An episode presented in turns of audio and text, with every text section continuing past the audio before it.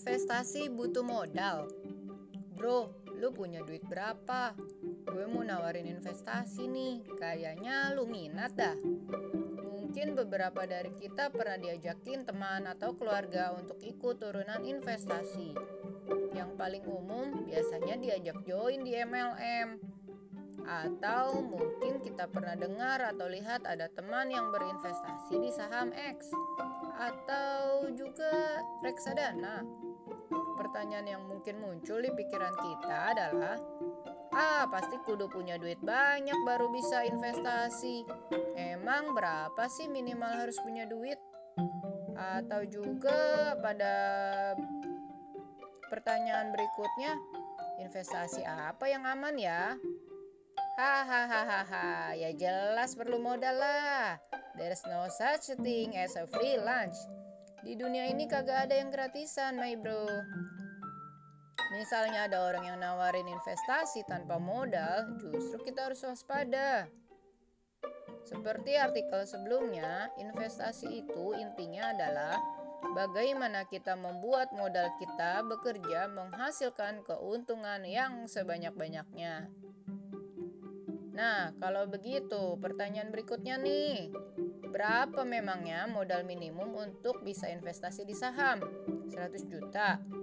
Wah, gede banget. Lagi pandemi begini mah nggak ada uangnya, my bro. 10 juta. Bisa juga 10 juta. Tapi kalau bisa sih yang 0 rupiah ya. Nah, ini enaknya investasi di zaman now. Tidak perlu punya duit banyak baru bisa investasi.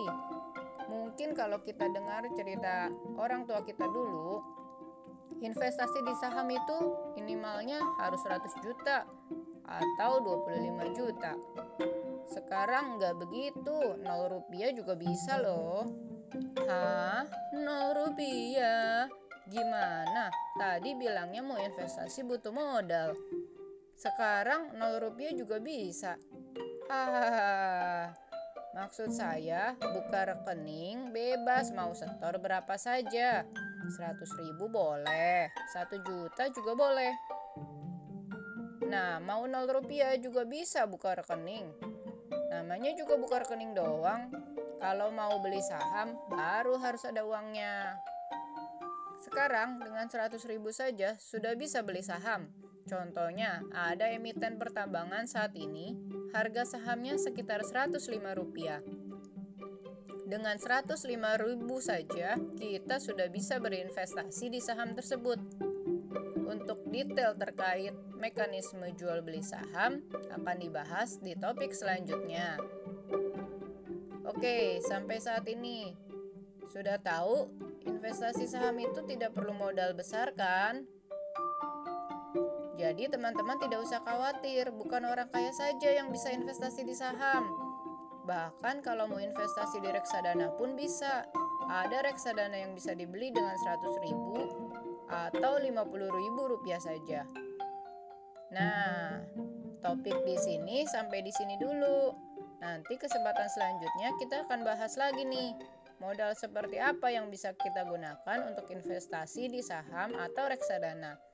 Jangan salah pilih alat investasinya. Kok begitu ya? Sabar, sabar bro. Nantikan podcast kami berikutnya. Oke. Okay.